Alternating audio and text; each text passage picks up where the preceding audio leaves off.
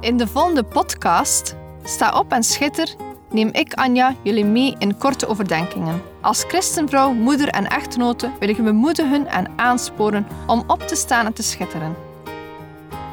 We zijn niet gemaakt om in Gods koninkrijk stil te zitten en niets te doen, maar om op te staan en dienstbaar te zijn. In de eerste plaats tien over God, daarna tien over ons gezin, onze partner of onze geloofsgenoten. En als gevolg zullen we dan ook schitteren in de wereld. Neem je Bijbel bij de hand, want zonder Bijbel zijn we als een kok zonder eten of een zanger zonder stem. Dus luister naar, sta op en schitter.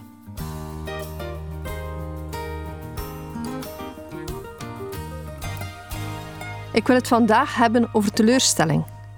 Teleurstelling gebeurt wanneer je hoopt op iets dat niet uitgekomen is, of dat de uitkomst niet voldoet aan de verwachtingen. In wezen zijn de teleurstellingen mislukte hoop. We hoopten dat de dingen op een bepaalde manier zouden aflopen en dat gebeurde niet. Ik heb onlangs het boek Job nog eens gelezen. Job hoopte op het goede, maar het kwade kwam. Job moet zeker teleurgesteld zijn in het leven dat hij leidde.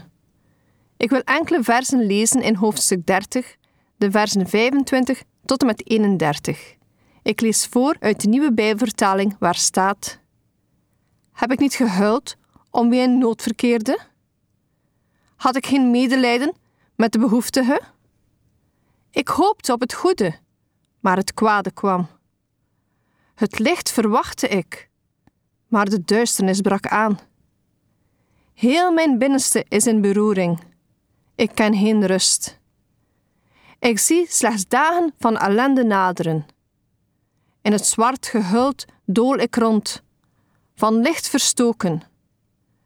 Ik sta op in de vergadering en roep om hulp. Een broeder van de jakhals ben ik geworden. Een metgezel van de struisvogels. Mijn huid is verschroeid en schilferd. Koorts verteert mijn gebeente. Mijn lier is geworden tot rouwinstrument. Mijn fluit tot de stem van de treurenden. Job hoopte op het goede, maar het kwade kwam. Hij verwachtte dat als hij het goede deed, er ook goede dingen voor hem zouden gebeuren. Hij had hoop, maar die werd weggenomen. Job had te maken met zware teleurstellingen. Job verloor zijn kinderen, zijn rijkdom en zijn gezondheid. Hoofdstuk na hoofdstuk beklaagt hij zich bij God. Waarom overkomt mij dit? Misschien herken je deze vraag. Of herken je meer de vraag: waarom al die ellende in de wereld? Misschien ben je teleurgesteld in je werk, huwelijk, kinderen, vrienden de kerk of God?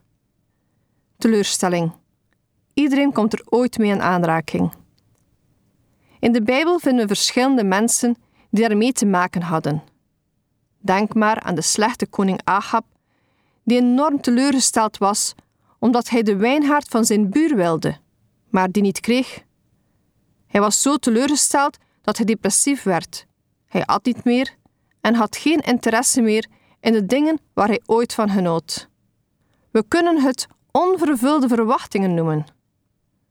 De teleurstelling lag bij Agab in iets wat hij niet kon krijgen. Een voorbeeld om van te leren. Ook wij hebben wel eens verkeerde verwachtingen van iets of iemand, waardoor we achteraf teleurgesteld zijn. Teleurstelling is niet altijd zeer negatief. Als ik denk aan Paulus, dan zie ik bij hem een totaal andere teleurstelling. Paulus sprak een paar keer zijn teleurstelling uit. Hij was bijvoorbeeld teleurgesteld omdat hij de christenen in Rome wilde bezoeken, maar er niet kon zijn omdat hij elders aan het werk was. Ik denk echt dat we allemaal het gevoel van teleurstelling kennen. We zijn zo snel geneigd om zelf onze plannen te maken zonder overleg met God. We bidden niet altijd naar de wil van God en krijgen daardoor op het eerste gezicht niet altijd een antwoord. Maar soms zegt God ook wel eens nee, even geduld. Ik betrap mij er zelf wel eens op dat ik teleurgesteld ben in mijn gebedsverhoringen. Ik zou zo graag al mijn gebeden verhoord zien worden, maar God denkt daar anders over. Ook tijd is voor God helemaal anders. God heeft de eeuwigheid voor ogen. Iets wat wij vaak niet doen. Verstandelijk weten we dat we geen valse hoop mogen hebben en dat God alles in controle heeft. Het betekent daarom niet dat we niet teleurgesteld kunnen zijn. Wij zitten met ons gezin volop in de verhuismodus. God zendt ons naar een nieuwe bediening in Ieper. Een tijdje geleden hebben we daarom ons huis te koop gezet hier in Brugge. Tijdens deze periode gingen we al wat huizen bezoeken in de regio van Ieper. We dachten al heel snel dat we de woning van onze dromen gevonden hadden. We waren niet van plan vlug een bod te doen, want als dit het huis is waar God ons wilde hebben, dan hadden we alle tijd en konden we rustig afwachten tot eerst onze eigen woning verkocht was. Het huisje stond bovendien al drie maanden te koop, dus het was gewoon aan het wachten op ons, dachten we. Toen onze woning uiteindelijk verkocht was, wilden we dan een bod doen. Maar de dag ervoor was het net verkocht. We begrepen er niets van en we waren wat teleurgesteld. We hadden zo gehoopt dat dit voor ons zou zijn. We hadden voor Gods leiding gebeden en hadden gedacht dat dit ons nieuw stekje zou zijn. Ik had zelfs al plannen in mijn hoofd gemaakt voor het inrichten ervan. Valse verwachtingen leiden tot teleurstelling. Ik herpakte mij. God had een beter plan. Hij zendt ons in een nieuwe bediening, dus hij zal ook alles leiden. Onze zoektocht ging verder. Maar we kwamen geen leuke huizen meer tegen binnen ons budget. Het waren eerder deprimerende woningen. De ene teleurstelling volgde na de andere. Op een gegeven maandag gingen we zes woningen bezoeken. Ik startte weer met grote verwachtingen.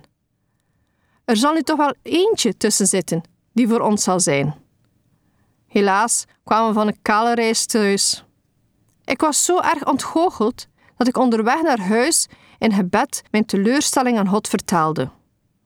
Wel ja, ik moet toegeven dat ik niet vriendelijk naar God toe was. Thuisgekomen en na wat tijd genomen te hebben om al mijn indrukken van de dag te verwerken, ging ik mij excuseren bij God. Hij wist wat goed voor ons zou zijn, en ik moest beleiden dat ik niet had vertrouwd op zijn leiding. De volgende morgen zond mijn echtgenoot een advertentie van een prachtig huis door. Het voldeed aan meer dan ik ooit gedroomd had. Veel werk aan, maar dat schrikte mijn echtgenoot niet af. Dit huis gaf zo'n goed gevoel. Na een telefoontje mochten we op woensdag, dus de volgende dag al, het huis gaan bezichtigen. Het was voor ons liefde op het eerste gezicht en we kochten die dag de woning. Onderweg naar huis vertelde mijn echtgenoot dat hij op maandag teleurgesteld was in de huizenjacht en dat hij aan God had beleden dat hij uit eigen kracht aan het zoeken was en niet meer voldoende vertrouwde op Gods leiding. De volgende dag kreeg hij een innerlijke stem om een bepaalde tweedehands website te openen om te zoeken naar een woning. En zo gedaan, kreeg hij deze woning te zien, uit de hand te koop. Is God niet fantastisch en zo genadevol? We hadden beiden dezelfde worstelingen en belijdenis meegemaakt. En de dag nadien ontvingen van hem een woning. Een woning die we dan ook mede willen gebruiken voor zijn koninkrijk. Het was een grote les die God mij gaf over teleurstelling. Denk niet, omdat je al jaren christen bent, dat je niet kan vervallen in de zonde van teleurstelling. Ik ben zo blij dat ik niet boos ben gebleven op God en verder blijven hangen ben in mijn teleurstelling. Ik had kunnen reageren als Agab en depressief in bed gaan liggen, maar nee. Ik koos om God te zoeken in mijn teleurstelling. Een wijze les die ik ook aan jullie wil meegeven. Ben je teleurgesteld in je leven? Haar mee naar God. Zoek uit waarom je teleurgesteld bent. Zijn je motieven wel juist?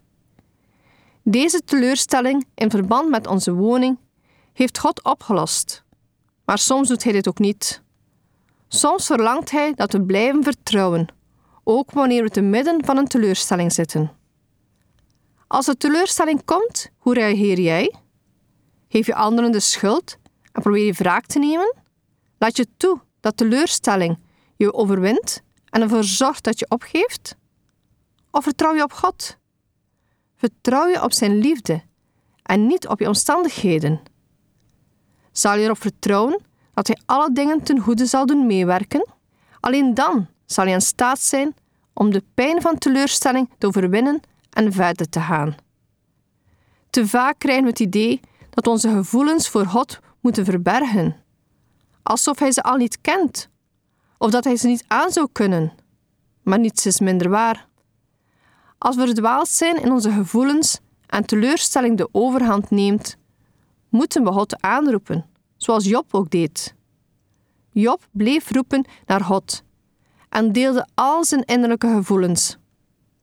We hebben de neiging om onze emoties te klasseren in slechte en goede. Maar gevoelens zijn gevoelens.